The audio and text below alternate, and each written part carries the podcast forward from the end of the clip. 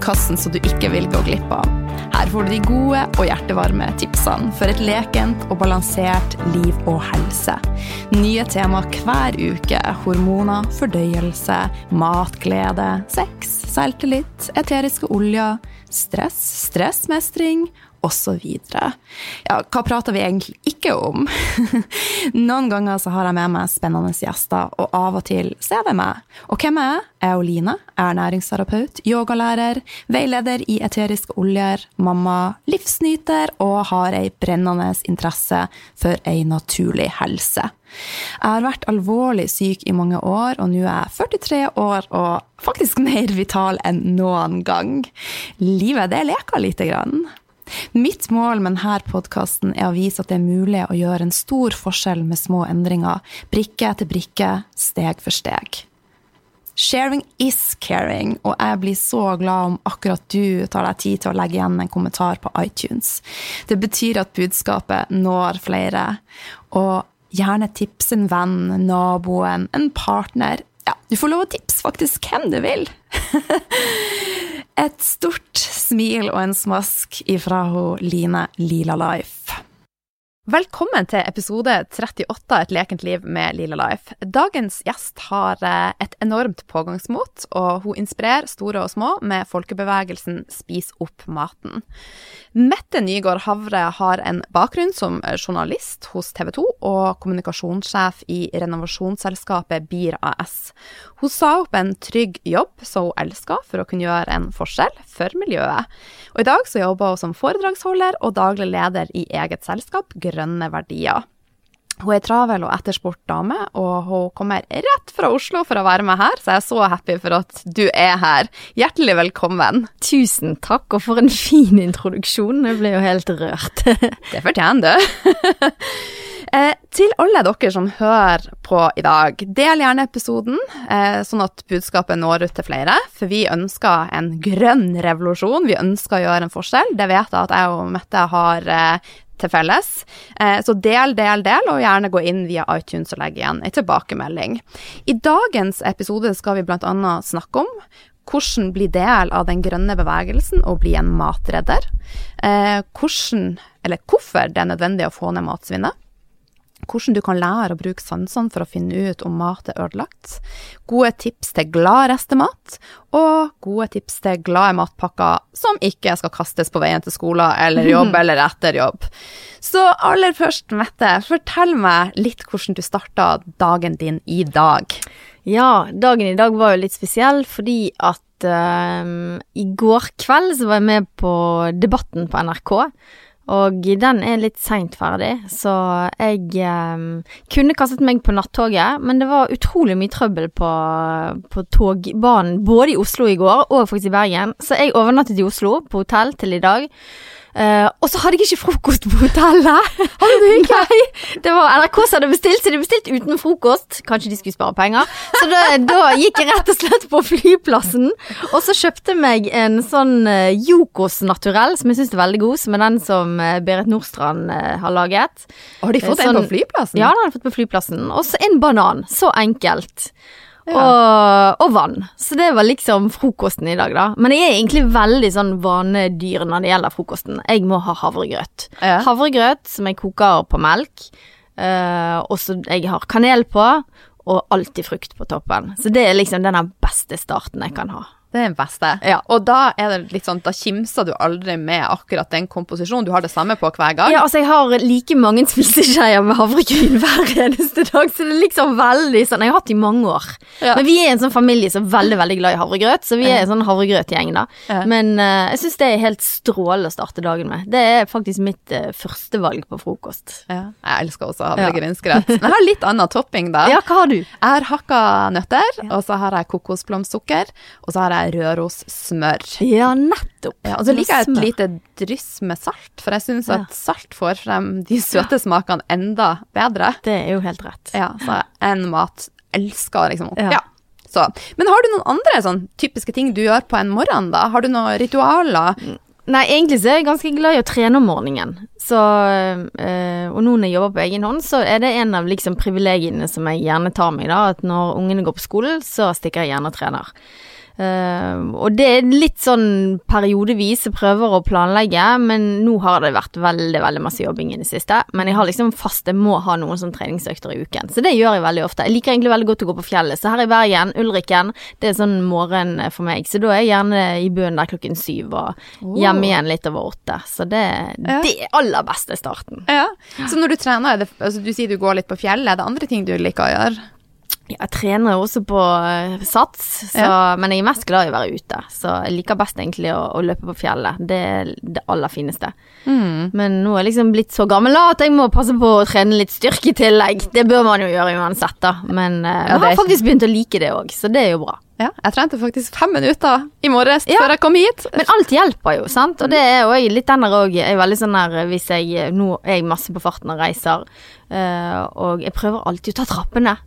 Så hvis jeg er på en flyplass, så tar jeg aldri rullebåndet, liksom. Da går jeg ved siden av, eller jeg tar trappene og løper opp ved siden av. Så jeg er veldig sånn bevisst på det, da. Så bra, det varmer hjertet mitt. Mm. Men du, la oss spole tida litt tilbake, og fortelle oss litt mer om deg sjøl. Altså, hvordan havna du her, eh, i eget Ja. firma, og Nei, jeg eh, jeg jobbet faktisk som sånn nettjournalist hos TV 2 på, i begynnelsen av liksom nett-TV, og nettsidene kom i det hele tatt. Og så var det en dag at jeg eh, så en annonse i avisen at renovasjonsselskapet i byen her, de søkte etter en kommunikasjonsrådgiver, og da switchet jeg faktisk fra journalistikken over til kommunikasjon.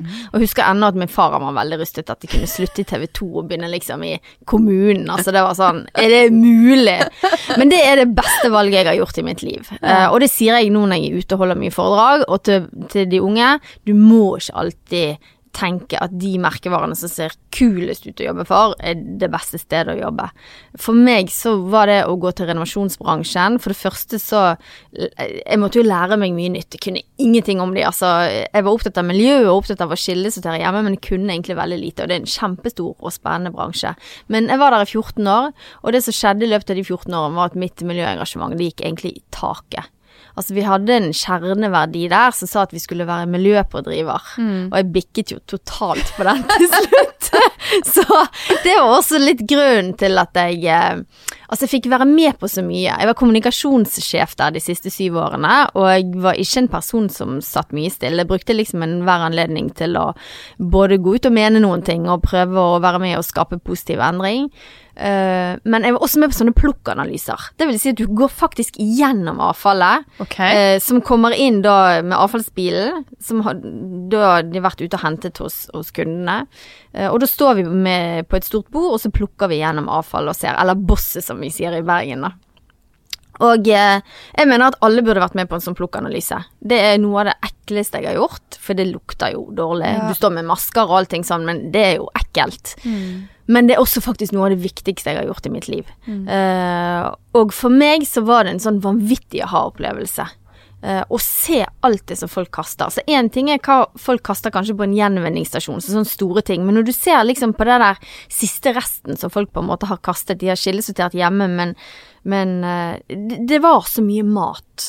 Det var så mye spisbar mat som var kastet. Jeg ble helt totalt sjokkert. Mm. Jeg kjente jeg ville sånn uvel i magen nå når du Ja, forteller for det. det, ja, men det er sånn uh, Men nå, jeg har laget en film da Fra når jeg var med på Plukkanalyse Og vi har også Jeg er med nå på NRK har en sånn serie som heter Matsjokket Som går over fem episoder To av de har vært nå Og det er en episode i november som handler om brød Og den er jeg med på Og da er jeg rett og slett Da filmer de når vi har en plukkanalyse der da Så folk kan faktisk se litt hvordan det funker For det, du kan ikke dra med deg alle på en plukkanalyse Men folk må få se hvordan det er Ja. men det som, vi, det som jeg dro ut derifra da når vi hadde det her i Bergen, det var jo altså hele pølsepakker.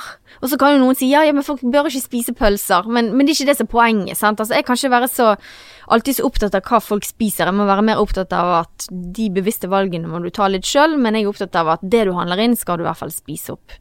Men eh, det som var kanskje størst inntrykk, det var jo Jeg dro ut fire laksefileter. Sant? Altså det er noen som har vært på butikken og handlet i og brukt penger og tid og energi, tatt det hjem i kjøleskapet, og så går det noen uker, og så Oi, den laksen, ja. Den har vi visst glemt. Og så bare kaster de den.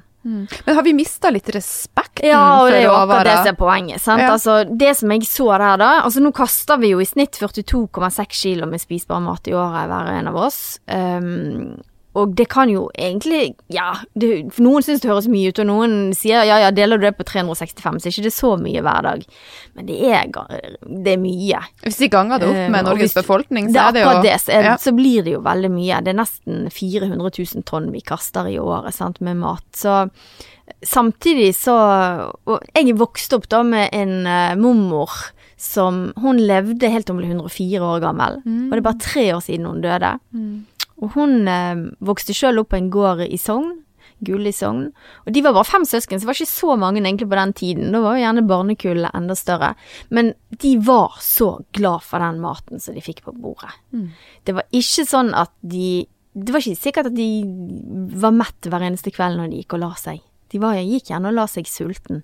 Og det kjente jeg mye på. da, At den respekten som de hadde for maten, og gleden over, det ønsker jeg faktisk at mine barn skal vokse opp med òg. For jeg har to barn også, 11 og 13, og jeg syns det ble liksom at de skulle ta for gitt at det alltid skal være mat i kjøleskapet. Det skal alltid være middag på bordet. Det er alltid frukt i fruktkurven.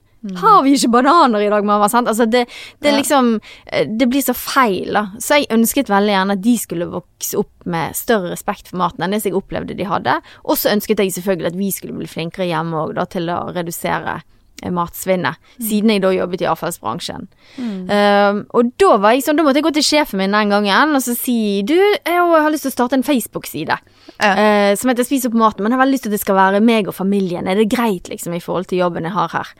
Og jeg hadde en fantastisk eh, fin sjef uh, i BIR, i renovasjonsselskapet der, og han var bare sånn med en gang ja ja, det må du bare gjøre hvis du vil bruke av fritiden din på en måte til det, da. Men jeg hadde ikke kanskje skjønt den gangen hvor stort det skulle bli, da. Nei.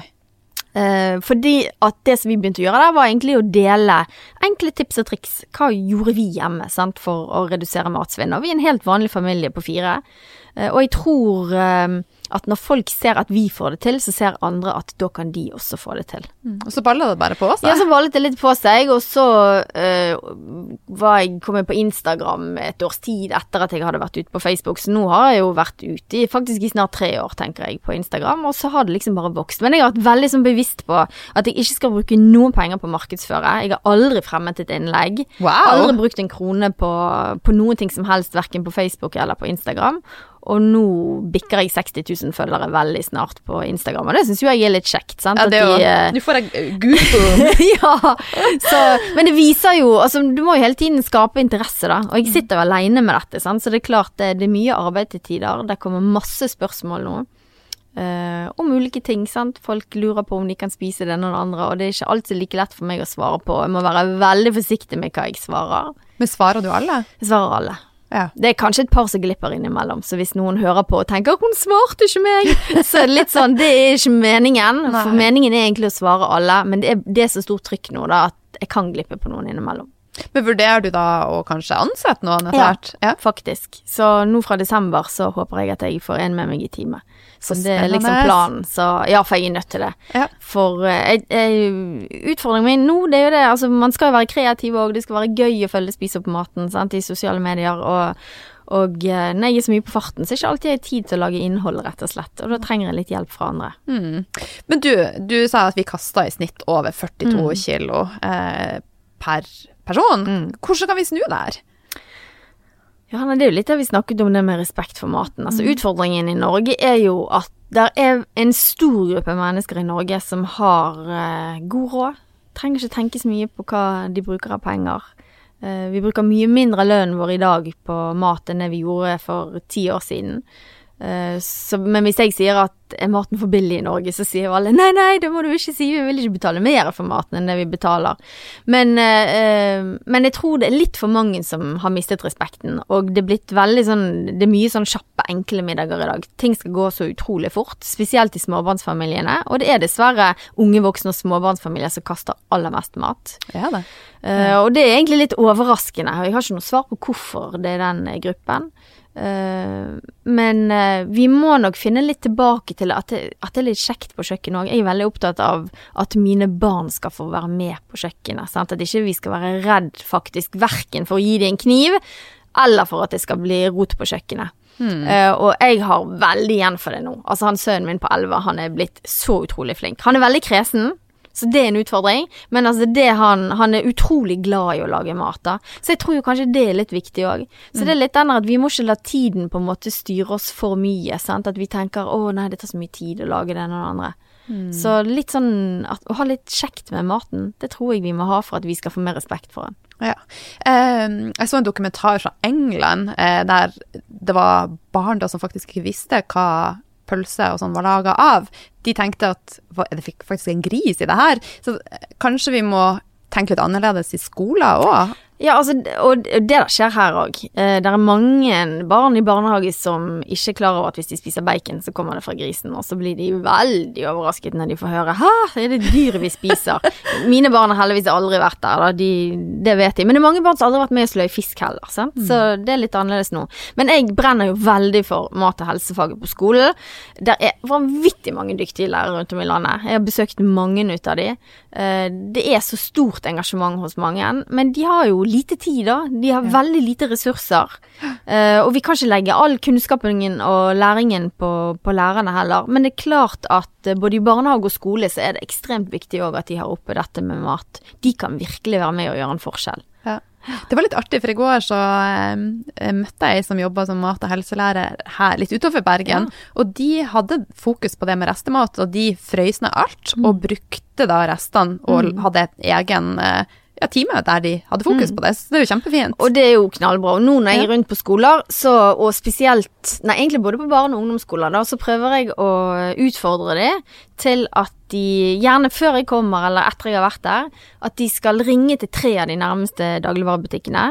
Eh, og spør om de kan få overskuddsfrukt spesielt da, fra butikken. For det, det kastes veldig mye frukt på butikken rundt omkring. Eh, alle skoler som har gjort det, de får alltid ja fra butikken, og så lager de smoothie av det på skolen. Og så kan de se da at selv om eplet er litt stygt, eller bananen er brun, eller at ikke frukten er helt perfekt, så kan de faktisk lage noe godt av det likevel. Og så at de lærer seg at de gjerne kan putte yoghurt i, som gjerne har gått forbi dato, sant? at det er ikke noe problem. Så jeg tror eh, det er mye man kan gjøre der på skolen, helt klart. Men de fleste forbrukerne de ser jo utelukkende på en dato. Kan ikke du forklare litt? Altså, vi har jo siste forbruksdag, vi har best før. Eh, Hva er viktig her for å få ned matsvinnet? Altså, det er veldig mange i Norge som har datoskrekk, da. Sant? Altså, de er skikkelig sånn engstelige for Jeg bor med en. Ja, du bor med en, og det er veldig vittig, for jeg hadde foredrag i går eh, for 400 stykker i Bergen kommune, og da var hun ene, hun kom bort til meg etterpå, så sa hun 'Mannen min, han har datoskrekk!' Jeg hadde veldig lyst til å dra han med her i dag, men eh, han kunne ikke ta fri fra jobb, det var litt vittig. Uh, men det er mange som, og det er både barn og voksne, altså de kaster rett og slett yoghurten eller melken uh, på dato tør ikke spise det. Og um, det er vel tilbake nå, tror jeg, i 2016. Da utfordret jeg både Q-meieriene og Tine meierier til å endre på datomerkingen fra best før til best før, men ikke dårlig etter. Q tok den utfordringen med en gang, og Tine kom litt etterpå. Og nå er jo matbransjen blitt enige om altså de skriver best før, ofte god etter. Det var ikke alle som tørde å skrive ikke dårlig etter. Men poenget med denne her merkingen, da, det er jo å få forbrukeren til å bli flinkere til å bruke sansene sine. Eh, og der har vi mye å gå på. Så på alle produkter som det står best før på, så betyr det at de er ikke dårlige etterpå. Sant? Altså Da må du bruke sansene. Så det er veldig Mitt kjøleskap kan være veldig ulikt ditt kjøleskap. Sant? Mange norske kjøleskap er jo seks grader, og det bør helst være mellom to og fire grader i kjøleskapet. Og det kan ha mye å si for holdbarheten på mat. Ja. Uh, så, så du må rett og slett se, lukte, smake. Ja. Eh, men så har du siste forbruksdag, og det er jo mat som kan bli helseskadelig etter dato. Da skal du være mer forsiktig. Eh, og det, det er mye sånn fersk fisk, eh, kjøttfarser og den slags. Men eh, det som er bra med det, det som er merket siste forbruksdag, det er jo at mye kjøtt eksempel har både natur og Gilde merket om fra siste forbruksdag til best før. For selv det kan du spise etter dato. Så det er liksom viktig å merke seg de der to datoene, da. Så jeg, altså hvis vi har ehm, det er jo sjelden at du har melk som blir stående liksom i en evighet etter dato, men vi hadde det en sommerferie en gang, en melk som hadde blitt stående i nesten en måned, og den var blitt sur, altså den luktet dårlig. Men da puttet vi den i vaffelrøren, og det også er jo en litt sånn lærdom fra de gamle, sant, at eh, er det blitt litt uh, surt, så trenger du faktisk ikke slå det ut i vasken. Du kan putte det i vaffelrør eller bake brød eller ta det oppi der. Og det gjelder jo rømme, sant, og krem fresh. Altså det er jo så mange sånne eh, meieriprodukter. De varer i en evighet etter Ja. dato. Ja. Så jeg får jo ofte spørsmål ja, men hvorfor er de merket sånn som de er merket, da? Akkurat det der er jo litt vanskelig. Der er re regler. altså Sånn egg, for eksempel, er merket 27 dager fram i tid. De varer jo i et år, sant, etter dato. Um, og meierivarer, men det er liksom sånn alle skal kunne spise det. Sant? Vi som er friske skal kunne spise og drikke det, men det skal også de gamle kunne gjøre, som kanskje er litt skjørere. Det skal også de helt unge gjøre. Så de sikrer seg veldig egentlig på den der best før-datoen, da. Så derfor må vi rett og slett bli flinkere å bruke sansene. Og jeg har opplevd å få sur, utgått mat i munnen din, Ja, du merker du? jo det. Du Ja. merker jo det. Ja, det merker du med en gang. Ja, så det er liksom Jeg tenker det er ikke noe tvil. Nei, men det er jo også en del som har sånn der som de har sånn fra de var liten, at de kanskje har fått servert en melk som ikke har vært helt god. Ja. Og det sånn Det sitter hardt i de, altså. Og da blir det så, så det skjønner jeg jo, da. Men jeg sier jo det hvis de er blitt voksne nå, så er det på tide liksom tørre å bruke sansen igjen. Så de fleste tar den utfordringen. Og, det må jeg bare si. Jeg får vanvittig mye, og det er kjempegøy. Jeg får enormt masse bilder fra folk som da har spist og drukket noe som er, gått forbi best før dato. Jeg så en kaviardeling. Den var jo helt nydelig. Det var jo en far og datter som sitter da med lørdagsfrokosten, og så filmer datteren faren. Altså, den kaviaren var jo kjempegammel, jeg husker ikke noe. Den Det var jo mange år. Eldgammel, ja. Ja. Da snakker vi mange år, sant. Men jeg syns jo det er skjønt at folk sitter og filmer sånn, så sender de det til meg. Ja. Men det er jo litt av grunnbasen, spesielt på Instagram-profilen min òg. At det er jo ikke jeg som finner på ting der hver eneste dag. Folk sender meg mye så jeg kan poste videre. Og det er jo så gull. Ja, men jeg tenker at det er litt sånn Det skal være litt gøy for folk òg, at Ja. de faktisk kan få bildet sitt ut på å spise opp maten her, sant. Og selvfølgelig at jeg tagger og viser hvor kommer dette her fra. Det er jo bare kjempe, kjempekjekt. Ja. Og da får vi eh, spredd det ut. Det blir en bevegelse som bare ruller og Ja, går. Ja, det er jo hele målet, sant. Ja. Altså målet er jo at um at Spise på maten skal vokse seg så stor som mulig. Jeg tenker mm. 60 000 følgere på Instagram er ingenting i forhold til hvor mange innbyggere det er i Norge. Så Nei. jeg vil jo ha liksom mål om mye, mye større. Um, men eh, men det, jeg føler i hvert fall at det har vært en god start, da, sant. Og så er det mye som eh, kan balle på seg. For min del så har jo jeg brukt mye media, da. Altså prøver å være aktiv i media, skrive debattinnlegg, eh, være med liksom i denne her matsvinn-debatten. Og så er jo jeg veldig sånn Jeg ønsker jo egentlig at debatten skal ikke være så negativ, jeg ønsker heller litt sånn positivt fokus, og derfor har jo jeg introdusert sånn som ordet matredder. Sant? At ikke vi skal snakke om matsvinn, men vi skal snakke om matredding. Ja. Det er mye gøyere. Ja, og jeg, da tar jeg meg sjøl i at jeg sa matsvinn. Nå skal jeg si Ja, matredder. Det, ja, men det er mer som positivt ladet. Ja. Og, og barn, altså, de ser jo for seg seg sjøl som en matredderhelt med kappe, sant. Han Sønnen min som er elleve, han er med og har litt foredrag, og da har han en sånn kappe på seg, så han liksom løper over scenen. Men det, det tenker jeg, det er liksom det, Du må skape litt det bildet, da. Så det er litt trist òg, for det er synd at vi er kommet så langt, da, at vi må redde maten. Ja. Eh, Vi har bare i Norge så har vi faktisk 500 000 mennesker som lever under fattigdomsgrensen. Samtidig så det da er veldig mange andre som har det ekstremt godt.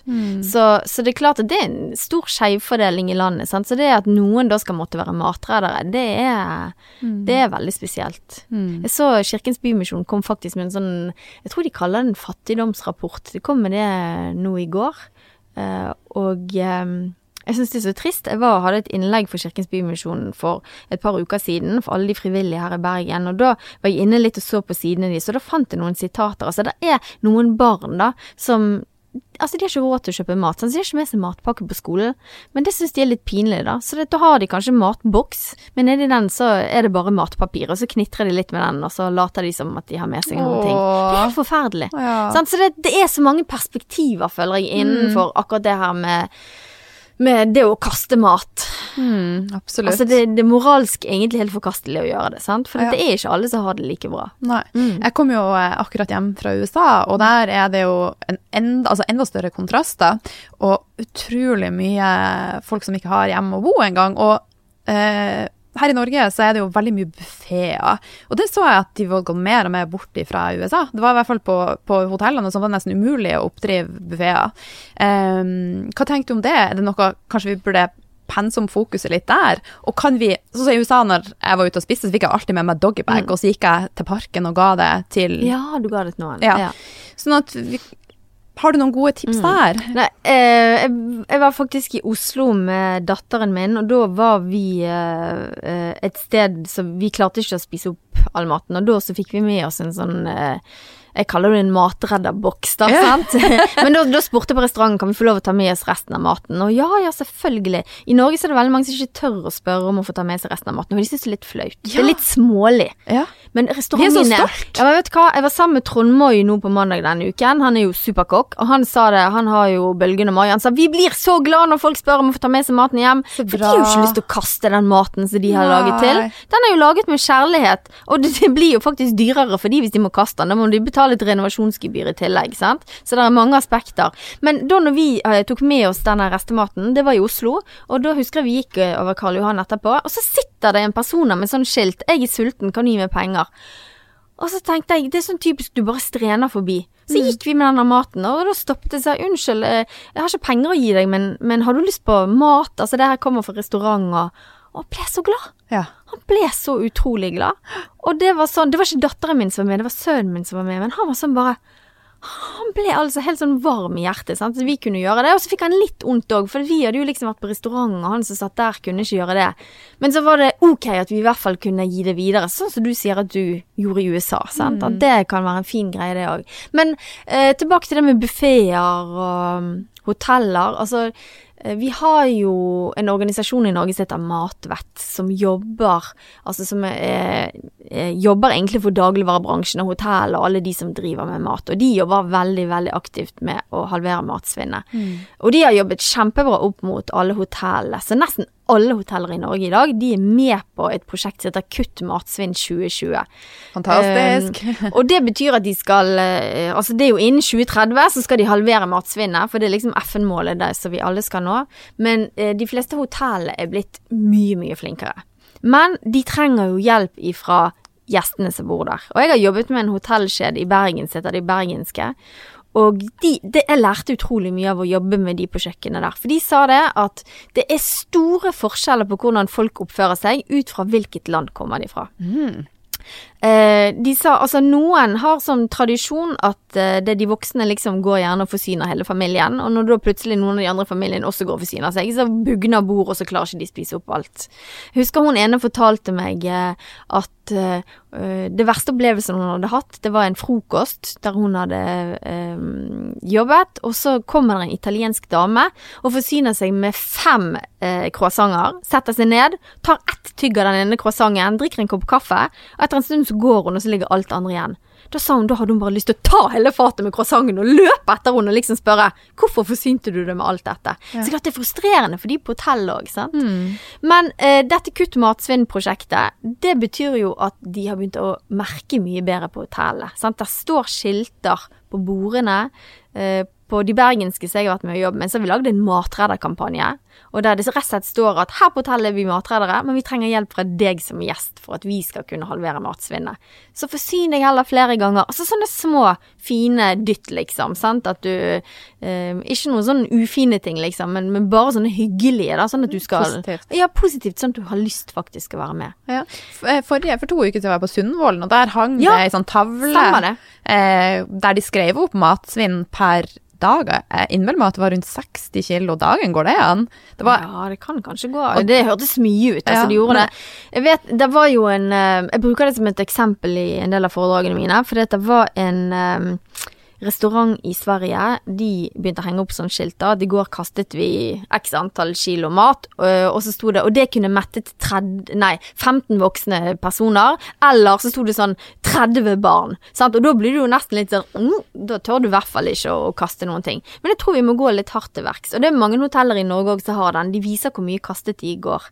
Men det er jo noen i utlandet som har begynt øh, å si det at det du forsyner deg med, det må du spise opp. Og hvis du har mer igjen på tallerkenen, så må du faktisk betale for det du har igjen på tallerkenen. wow! Og da møtte jeg en elev, og hun fortalte meg hun hadde vært i Italia i sommer, og da hadde hun vært på sushirestaurant med foreldrene, og der var det sånn, sa hun. Hvis ikke de klarte å spise opp all sushien på tallerkenen, så måtte de betale for de her. Jeg syns jo det er kjempekult! Men det er klart, det er jo litt sånn eh, litt unorsk, sant. Og bare her skal vi betale for det vi har igjen. Men det får jo folk til å tenke seg om og heller forsyne seg flere ganger. Ja. Sant? I morges forsynte jeg meg med Tok litt for mye, men Ja. da tenkte jeg på at hva jeg skulle gjøre. Så jeg spiste opp alt. Hadde vondt i Veldig magen. vittig. Jeg var i sted òg, når jeg kom til Bergen, så måtte jeg spise litt, så jeg var inne på Godt brød. Og da eh, setter en familie ved siden av som jeg kjenner litt, og da sa han gutten det var litt mye skinke på den, og så sier moren du er nødt til å spise det opp, for Mette sitter ved siden av oss! så får jo ofte den, da. Og det er mange som sier det, og du sitter liksom på skulderen der, sant, så jeg tenker det er helt fint. Ja. Ja. Men du, eh, matredder. Eh, hvordan kan vi bli fantastiske, gode matreddere? Jeg tenker jo det viktigste med, med Altså det er liksom sånn tre ting da som kommer inn under definisjonen på å være en matredder. Og det første er jo at man selvfølgelig spiser opp det man handler inn. Og nummer to at man bruker sansene. At du blir litt tøffere på å bruke sansene. Og nummer tre, som er det viktigste, det er jo at du får alle de rundt deg til å ha fokus på at de skal redusere matsvinnet. Så jeg hadde faktisk en som skrev til meg på Spis opp maten i går, og det var litt vittig. Så skrev hun eh, Jeg trenger ikke å være en matredder, for jeg spiser opp all maten uansett. Så jeg trenger egentlig ikke å følge Spis opp maten eller noen ting. Så jeg sier nei, det er jo helt topp, altså da er jo du der. Det er jo strålende. Men husk det, da, at en matredders viktigste oppgave er på en måte å motivere de rundt seg. Svarte aldri på det, da. Men jeg håper at hun gjør det. Og det er litt sånn, og det sier jeg jo til barna òg, at det er viktig at man skal på en måte motivere de andre rundt seg òg, da, til å ta et bevisst valg. Ja. Og jeg tenker også hvis ungene begynner å prate om det, så blir det plutselig litt, litt kult, kanskje. Ja, og det, og det er jo det som har snudd. Altså, det er blitt, nå er det jo blitt kult å være en matredder. Sant? Før var det pinlig å gå på butikken og kjøpe nedpriset mat. Mm. Litt sånn 'gud, ser naboen meg', og hva tenker de at jeg har dårlig råd denne måneden? Mens nå er det sånn 'nei, jeg håper nesten naboen ser meg', sant. For nå er det helt topp det å kjøpe nedpriset mat og vise på en måte at du er miljøengasjert, sant. At du redder noen ting. Men eh, det som vi gjorde hjemme hos oss, det var jo begynte å sende med restemat til barna på skolen. Eh, og det spredde seg veldig fort. Så når de begynte å ha det med seg på skolen, så ble jo de andre barna veldig sånn bare 'Å, hva har du i matboksen din?' Det ser jo kjempegodt ut. Og rett hjem til sine foreldre bare 'Vi jo vil ha rester med i matboksen'. Så det sprer seg veldig enkelt.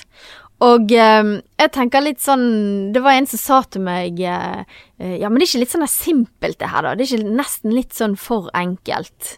Jeg har tenkt mye på det de siste dagene, for ikke så lenge siden jeg fikk den kommentaren. Og så tenkte jeg jo, det er jo egentlig det. Det er jo kanskje sånn simpelt og enkle ting jeg snakker om. Men det er jo jammen meg det folk trenger faktisk å høre. De trenger faktisk å høre de enkle tingene. Altså det overrasker meg mange ganger hvor dårlig kunnskapen er hos enkelte. Eh, og da trenger de sånne små, enkle tips og råd i hverdagen. Og så krydret med litt artige ting som de kan gjøre innimellom, selvfølgelig. Absolutt. Eh, en ting som jeg også uh, har lagt merke til, er jo, eh, og du har skrevet om, på bloggen også, at veldig mye sau kastes. Jeg har også eh, hørt at mye geit, også kje, kastes. Så vi kaster jo enormt mye godt. Altså god næring, rett og slett. Så der, hva kan vi gjøre for å øke bevisstheten Nei, jeg, på dette? akkurat det der syns jo jeg er vanskelig. For det, det var jo en programserie på NRK for to år siden som het eh, Redd høna, der de satte fokus på altså veldig mange sånne verpehøner som, som når de har lagt eggene sine, så blir de bare gasset i hjel og blir til betong etterpå. Sant? Og det samme med skje, som heller på en måte ikke får noe liv. Det er veldig spesielt med skjekjøtt, fordi at det er en delikatesse i veldig mange andre land, men ikke i Norge. Altså, vi har det til middag. Det er jo helt fantastisk Ja. godt. Vi går kjelår, kjekoteletter. Ja. Helt fantastisk. Men, men du får, altså du må jo Det som er litt kult nå, er jo kommet disse sånne Reko-ringer, som har i hvert fall poppet veldig opp her i Bergen nå, da. Og da får du på en måte kontakt med bonden på en helt annen måte, og da kan du plutselig bestille det. Men i butikken er det jo vanskelig.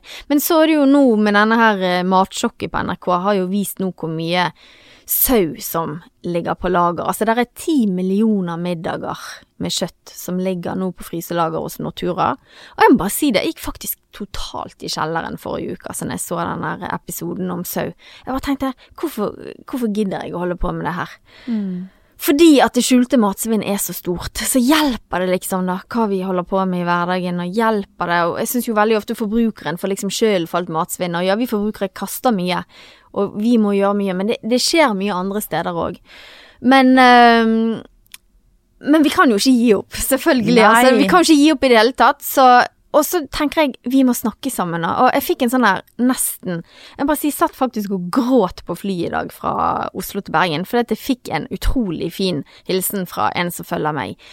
Hun hadde sett at jeg var litt sånn her i kjelleren her etter det matsjokket, for det skrev jeg om og bare sa jeg syns det er så fælt nå med alt som blir kastet, og jeg kan ikke helt se at jeg skal være med og kunne påvirke noen ting som helst. Men i går så skjedde det noe. Jeg ble invitert til å være med på denne debatten på NRK, det var sau vi skulle snakke om. Jeg var veldig opptatt til redaksjonen i NRK at da må Nortura komme. Det er de som har fryselageret med all denne sauen eh, på lager. Eh, og i siste øyeblikk så kom det heldigvis en representant fra Nortura var med på debatten. Uh, og så uh, snakket jeg med han som er daglig leder på Matsentralen i Oslo. Og han sier det til meg at men vi, vi tar jo gjerne 100 tonn vi av alt den sauekjøttet som ligger på, på lager. Og det ligger 640 tonn, så det ligger mye, sant. Men det er jo på en måte én matsentral, og det er mange sånne matsentraler rundt om i Norge som kan være med. Så sier jeg til han, ja men hvorfor har ikke du snakket med Nortura om dette da? Nei, jeg kommer ikke gjennom. De, de, de svarer meg ikke. Altså, jeg får ikke kontakten. Så sier jeg, men hvorfor har ikke Nortura ringt til deg, da? Når de har så mye på lager så de på en måte står i fare for å bare kaste. Nei, det vet han ikke. Og da, det er sånn, da kjenner jeg, det bare ulmer det inni meg med en gang. og jeg tenker at her må vi jo gjøre noe. Så på denne debatten i går på direkte-TV, så bare utfordret jeg da Nortura og sa det at hallo, vi har matsentraler rundt omkring i Norge. I Oslo, de sitter, de kan ta imot 100 tonn. Um, de kan ikke ta imot hele dyr, det må faktisk kuttes opp til de da, men jeg tenker den jobben får de jammen gjøre eh, hos Nortura. Um, så på direkten i går så ble hun utfordret på det, og egentlig lovet at dette skal vi få til. Sant? Og da plutselig ser du jo at ok, det går faktisk an å gjøre noe, hvis vi kan få folk til å snakke sammen. Så hvis jeg med min lille jobb kan være en sånn bidragsyter da, til å åpne litt dører, sånn at vi da kan redusere svinnet, og det var det denne følgeren min på Facebook skrev, at uh, hun sa det, håper du skjønner nå etter debatten i går at du har en viktig rolle. Og det var, så utro- ja, men det var så spesielt å lese det hun skrev. Hun er ikke mer enn i 20-årene, sant. Og liksom, det var altså så fint at jeg bare kjente tårene bare trillet. Åh. Og det var sånn For det er klart at noen ganger så begynner man å lure, sant. Jeg er jo ikke noen stor organisasjon. Jeg er faktisk bare meg som sitter og holder på med allting. Og jeg kunne helt sikkert gått inn og jobbet et eller annet sted, men jeg syns dette her er spennende. Jeg har lyst til å bygge noen ting rundt dette sjøl. Men det er klart, det, da er det jo hvor mye påvirkningskraft du har ulike steder, det er jo forskjellig, sant. Men, eh, men Spis opp maten har definitivt klart å bygge seg en, en, stemme. Mm, og det er jeg stolt over. Ja. Ja. Men du, sau, det er noe helt ok kjøtt å spise. Er det bare vi forbrukere som har liksom Ja. lagt det som bilde om at det er ikke mat vi spiser? Ja, altså det, folk har jo fått en sånn her eh, De tenker at sau det er noe sånn gammelt kjøtt som er seigt og kjipt som vi ikke skal spise. Og der tenker jeg at der har jo de eh, både dagligvarebransjen og Nortura og Gilde Jeg tenker at de har en opplysningsplikt. Jeg syns faktisk Bama skal skryte, for de har vært veldig flinke til å ta grønnsaker som på en måte eh, Altså de grønnsakene som er akkurat nå, sant? hvis det er blomkåltid eller det er purre, eller så er de veldig flinke til å fremsnakke det som er i sesong. Det må jo også de her kjøttprodusentene faktisk gjøre. Hvorfor skal de snakke ned sauen? De må jo snakke den opp. Og samme skjer og alle disse andre tingene òg, sant. Og høne. Og høne. Og høne snakket de jo opp i hele tre måneder etter at dette var fokus på TV sist. Men det er holder ikke med tre måneder, og så er det borte. Og det var en av tingene som jeg sa til eh, Norgesgruppen i går på, på Debatten. For det, um, de mente sjøl at de hadde gjort alt rett, og de hadde kommunisert, og de hadde lagd pølser av høn, og de hadde lagd det ene og det andre. Men kanskje ikke var pølser forbrukeren ville ha, da. Sant? Så, så de kan ikke gi opp etter tre måneder. Så jeg mener jo at der er det skal ikke legge all skyld på oss forbrukere, altså at ikke vi spiser sau. Um, nå har jeg vært veldig opptatt av det de siste ukene, da, fordi at jeg visste at fokuset ville komme. Jeg har vært i masse butikker og sett etter sau. Jeg finner det nesten ingen steder. Eh, og så var det litt interessant, for det ble tipset om sjekk fårikålkjøttet. For de lager sånne poser, det er jo fårikålsesong nå. Ja. Og, uh, og når du ser på fårikålkjøttet, så skal det egentlig være sau. Men det er lam oppi der òg. Og det er jo ikke rart når ikke de bruker sauen i fårikålkjøttet engang.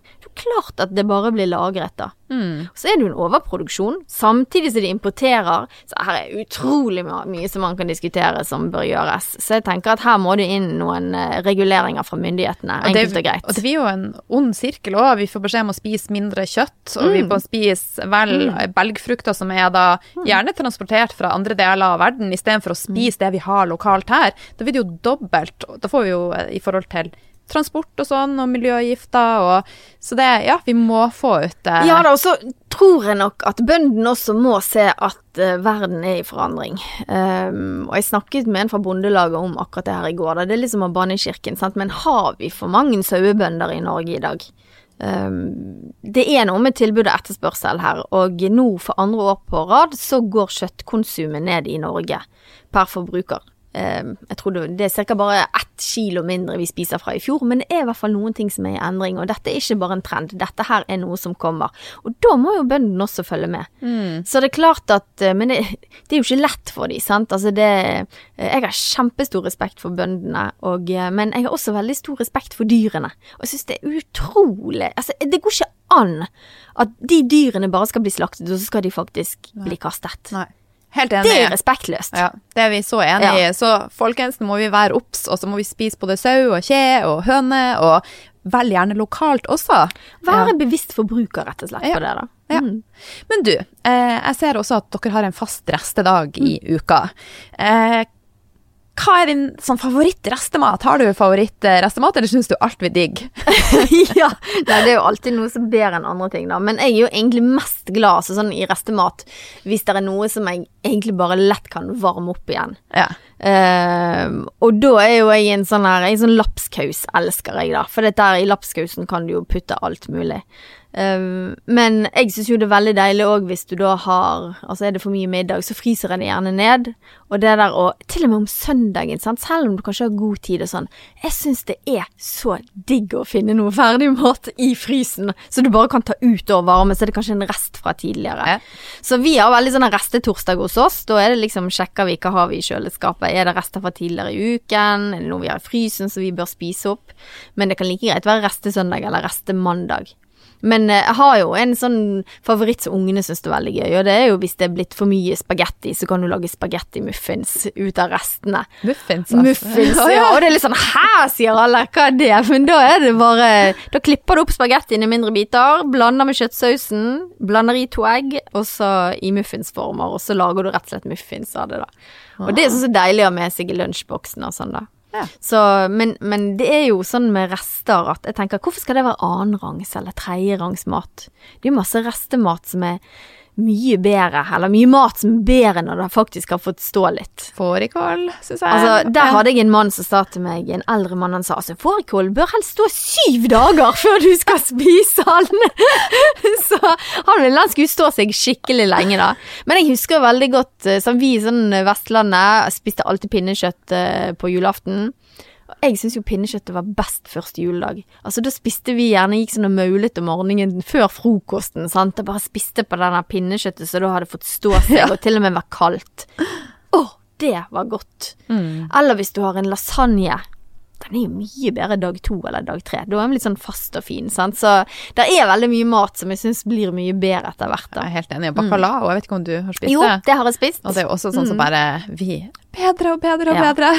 Og så er det jo, sant, i Norge er veldig mange som spiser taco om fredagen, og der òg er det jo så mye godt som du kan bruke resten av, sant. Du kan hive det så enkelt som å hive det i omeletten på søndagen. Altså det, det er utrolig mye som man kan gjøre. Man, jeg tror man bare har fokuset på Oi, så heldige vi er som har litt rester. Dette blir gøy. Hva kan vi lage ut av det? Sant? Du kan bare varme den opp igjen, eller du kan faktisk putte det i en annen rett.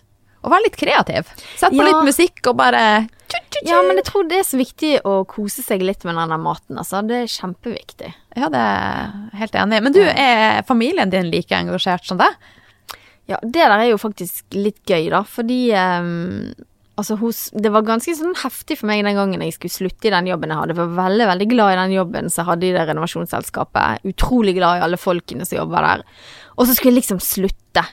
Um, og det var en sånn prosess jeg måtte ta med de hjemme, da. Og så var det også det Jeg tjente mer i jobben enn hva um, mannen min gjorde. Og det er litt sånn heftig òg når du skal slutte i jobben og begynne for deg sjøl, og liksom du har den største inntekten. Så det var jo litt sånn at vi måtte liksom eh, overveie det litt sammen. Men barna mine, da, de var sånn bare Selvfølgelig må du slutte, og selvfølgelig skal du bli matredder. Eh, så de heiet veldig på det. Men så gikk det sånn et års tid, og så jeg husker det var Det er nå alltid sånn når du stikker fram fjeset, så er det nå både positive og negative kommentarer som kommer. Og det var en sånn periode det var en del sånn negativt som kom. Eh, og da husker jeg satt hun var litt sånn der, tok foten i bakken og bare spurte både mann og barn da, hva tenker dere, skal, vi- skal, liksom, skal jeg fortsette, blir det for mye? For det er klart det er mye når du jobber sånn som jeg holder på nå. Men da så ungene mine på meg, og det var sånn her eh, Mamma, dette kan du jo ikke slutte med, for dette er jo det viktigste som vi gjør sammen. Og det var veldig spesielt, da, sant? så de har følt hele tiden dette startet vi sammen, og selv om det nå er min jobb, så føler de veldig at de er med òg. Så jeg føler definitivt at det ble veldig heiet på hjemme, altså. Det må jeg si. Så dette gjør vi sammen. Så fint. Ja. Men du, du sier jo at eh, det kan komme en del negative kommentarer, og det å stikke frem ansiktet som du gjør, det kan jo medføre både positive og negative ting. Hvordan takler du det da, når du møter litt motgang og folk er ufine? Altså, det er så lett å gjemme seg også eh, når det er snakk om sosiale medier og sånn, da er det lett å slenge ut skit. Mm. Ja, det er eh, Heldigvis er jo de aller, aller fleste veldig positive. Det er ikke så lett å ta meg på en måte på at jeg driver med noen ting som, som ikke de liker. Men det er klart, jeg har jo to barn som jeg har med på det her, som til tider er en del synlige, og, og så er de litt mer usynlige. Det har jeg jo fått kommentarer på. Hvordan i alle dager jeg kan trekke ungene mine med inn i det her. Men, men, men det plager meg egentlig ikke så mye, for det, vi er to voksne mennesker som har diskutert dette godt, og så lenge vi som mor og far er enige om at dette gjør vi, og de skal få være med, så må folk egentlig si akkurat det de vil.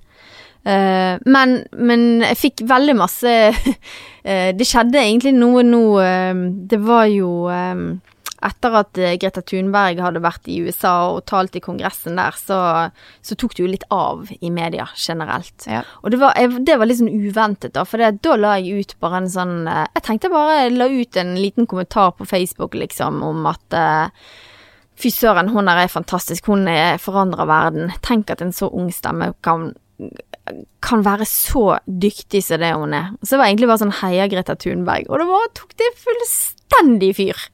Og det som det endte med, da, det var jo at det kom inn veldig mange Altså, det, det var Facebook jeg la dette ut på først, og det er klart at det, der er det litt sånn at der kan ting spre seg veldig. Så den posten spredde seg veldig, uh, og det kom inn mye folk på min Facebook-side som egentlig vanligvis ikke er inne der. Og det var så mye drit. Ja. Fra voksne mennesker. Fra både voksne menn og kvinner. Mest menn. Men altså, jeg sa det, de var jo gjerne over 60, sant. Altså, det var, men jeg ble så sjokkert. Jeg ble så sjokkert om hvordan de snakket til hverandre. eh, og hvordan de snakket om Greta Thunberg. Og hvordan de etter hvert skulle snakke om meg! Det var liksom, De dro meg inn i der. sant? Og bare at nå måtte jeg slutte med det her kjerringpreiket, og, og de begynner å, å uttale seg om hvordan du ser ut, og Altså, det er sånn Rett og slett usaklig.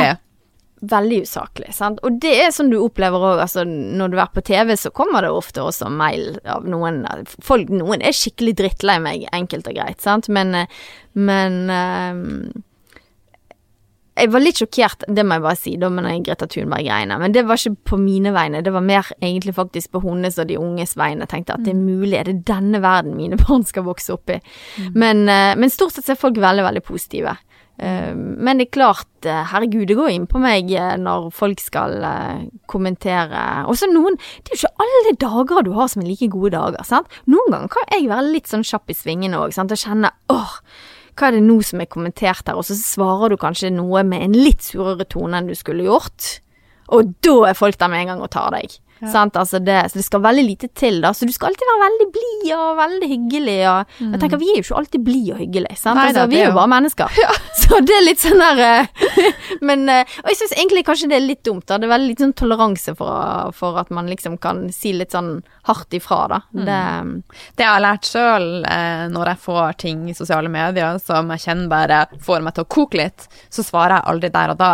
Da tar jeg et skritt tilbake og reflekterer, og da blir svaret mitt alltid annerledes om jeg så venter en dag. Så Det er verdens beste råd, det må jeg bare si. Og det har jeg også lært. For jeg er jo også en veldig sånn der som kan brr, Du skjønner det bare liksom at du bare Jeg vet ikke, det bare skjer noe inni deg. Alt bare begynner å boble. Sant? Og du egentlig bare har lyst til å skrive med en gang, og du bare fyrer det av gårde. Og det verste du kan gjøre. ja, det er jo det.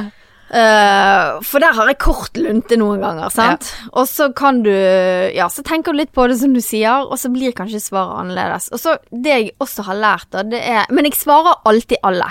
Og jeg svarer i hvert fall de som eventuelt er sure og frekke.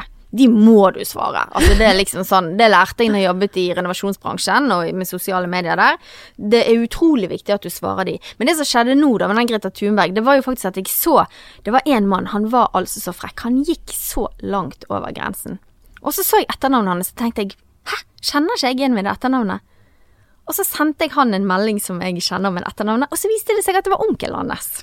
Ah. Så jeg gikk, ble litt sånn oppsøkende, da, rett og slett for å finne ut. Og så, så spør jo han meg, men hvorfor spør du meg om onkelen min? Og så sier jeg nei, du vet jeg har jo spist opp maten, og han har slengt ganske mye med lepper der inne. Og så svarer han meg da tilbake. Sånn åh, sukk. Det er ikke første gang jeg hører det. Eh, du skulle møtt den virkeligheten, for han er helt annerledes i virkeligheten enn hvordan han er bak tastaturet. Og det er veldig typisk, sant. Altså, de sitter med tastaturet og oppfører seg som idioter, så er de egentlig veldig greie i virkeligheten. Så Men hva er det som skjer mentalt, Nei, det lurer jeg veldig på. Så jeg håper jo faktisk Sånn som han der, han har jeg i vente. Han håper jeg treffer en dag, altså. Men jeg, og jeg prøvde faktisk å ringe han, men jeg, jeg, jeg, ehm, jeg kom, fikk ikke kontakt med han. Ja, så det, det tenker jeg også for eh, Nå blir det jo lite sånn avsporing, men det er jo flere og flere som jobber via sosiale medier, og viktig også å kanskje ikke ta ting personlig og bare tenke at det alltid er en eller annen forklaring. Og det tror jeg er veldig viktig. Sant? Så, og for meg var i hvert fall det lærerikt. Men jeg måtte liksom det, det, det gikk så langt at jeg kjente jeg må bare finne ut noe om den personen. Sant? Og det er ikke mange du gjør det med, da. Men, men da ble jeg liksom bekreftet yes, det er veldig annerledes. Og det der har jeg hatt i tidligere jobb òg. At jeg, det har gjerne vært sinte kunder, og så ringer du til dem. Og så er du veldig forberedt på at de skal være sånn skikkelig sint når du ringer. Og så ringer du, og så er de så hyggelige i telefonen at du får helt sjokk! Det har jeg opplevd flere ganger. Så, men det er jo sånn læredom som du får etter hvert. Sant? Ja. Så folk kan være veldig spiss på tastaturet noen ganger, og så er ikke det sikkert de egentlig er det. Nei. Men du, eh, vi begynner å nærme oss slutten. Eh, hun Greta, som eh, Grete Greta, er litt dårlig på navn. Greta, ja. Greta. ehm, hun er fantastisk. Hun går ut med et budskap som kan gjøre en forskjell for eh, ja, oss alle. Men hva er dine beste tips for en grønnere hverdag? Hvordan skal vi kunne i det store bildet gjøre en forskjell utenom det å være matreddere? Altså, jeg har jo vært veldig på den der at uh, jeg ikke Jeg syns ikke folk skal føle skam for det ene eller for det andre. Jeg tror ikke vi kommer noen vei der i det hele tatt. Uh, nå nærmer vi oss jo faktisk jul, og jeg tenker et nytt år, og det var veldig mange familier som fortalte meg i fjor at de hadde satt seg ned sammen, og så de tenkte ok, hva for noen mål skal vi ha? Liksom miljømål for neste år, og det tenker jeg er sånn veldig fint å gjøre. Eh, sette seg noen mål om man skal fly mindre, og det kommer jo litt an på hvor i landet man bor. Det er ikke alle steder det er like lett. Jeg har vært mye i Nord-Norge nå, eh, og altså, du kommer ikke unna at du må fly når du er i Nord-Norge, hvis du skal noen steder. Det er Så, men, men det er litt å være litt bevisst, da. At man kanskje kan tenke på å ta tog litt mer. Mine unger syns jo det er kjempegøy, sant, å ta nattoget. Det er jo det kuleste de kan gjøre, så det er jo liksom null stress. Uh, men så er det jo litt de der hverdagsgreiene òg, sant. Uh, for min del er i hvert fall veldig opptatt av Jeg hadde sånn shoppestopp, det er lenge siden, mange år siden nå, da, men, men du trenger ikke nødvendigvis ha shoppestopp, men, men trenger du å kjøpe det? Sant? Må du liksom ha det, at du gjør deg noen sånne tanker? Barna er så flinke til å arve fra hverandre. Hvorfor er vi voksne så dårlige på det? Så at man kanskje kan sette seg som mål, da. I 2020 så skal jeg i hvert fall arrangere en restefest. Invitere venner på restefest. Alle må ha med seg rester. Og så invitere en byttekveld. Det er kjempekjekt. Og det, er, det som da skjer, det er at da blir det veldig ofte til at det blir tema den kvelden, at du snakker om det òg. Og med en gang man begynner å snakke litt sånn om det, så blir det til at man finner liksom noen sånne ting i hverdagen som man kan gjøre litt annerledes. Alle kan være med og gjøre en forskjell. Helt klart veldig gode tips. Eh, men nå er det noe jeg har glemt å spørre deg om, så du tenker er kjempeviktig å få ut til lytterne? Nei, det eneste som jeg tenker er jo Folk flest er gjerne ikke klar over hvor viktig og hvor stort eh, Hvor stor forskjell man kan gjøre da med å spise opp maten. Altså det er det er sånn at matproduksjon står jo for en av de største utslippene i verden. Så hvis vi hadde klart å spise opp all den maten som blir produsert, så hadde vi kunnet bremse global oppvarming mye. Det er ikke alle klar over. Så eh, det er ikke sånn at det bare rundt og maser om det at vi må spise opp maten. Det har faktisk en ganske stor betydning. Ja. Og så tenker jeg også det, hvis vi velger mer mat som ikke er emballasje, i plast og papp, at vi får ned plast. Altså Det kan vi snakke en hel podkast Ja. om, tenker jeg. Sant? For det er jo jeg veldig opptatt av òg, da. Eh, noe mat trenger jo rett og slett denne emballasjen for at det skal ha bedre holdbarhet, men det er mye mat som du ikke trenger det i.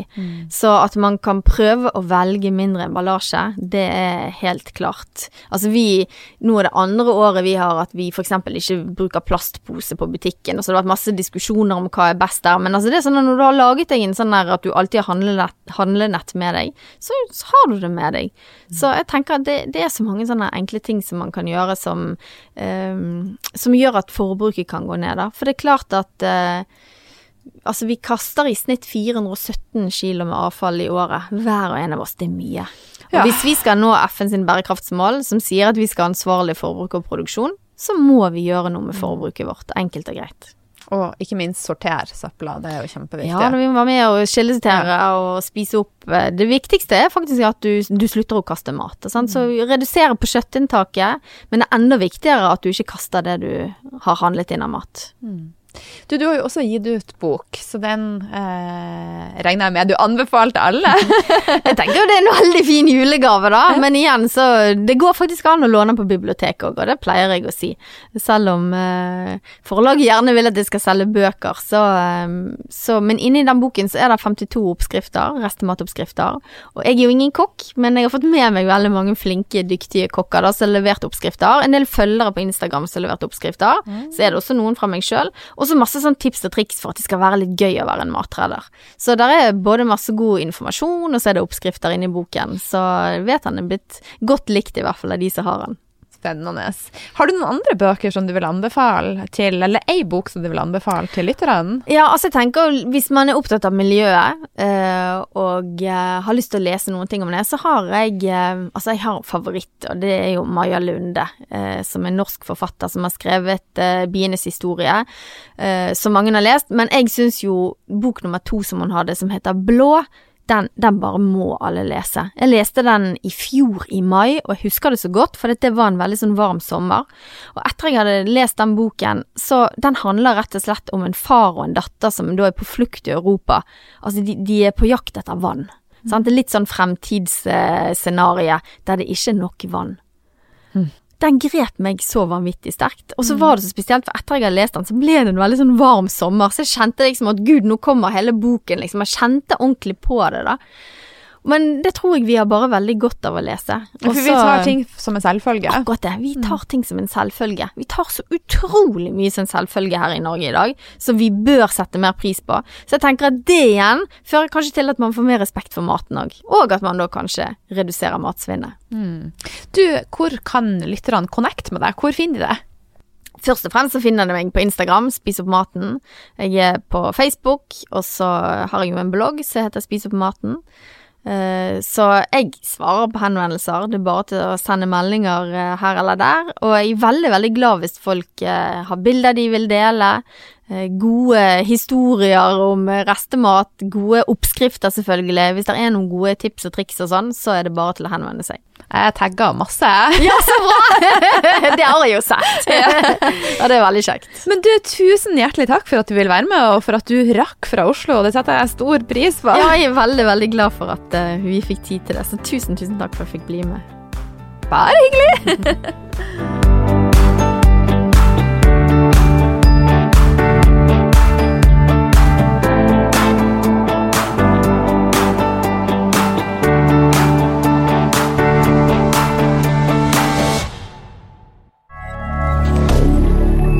Moderne media.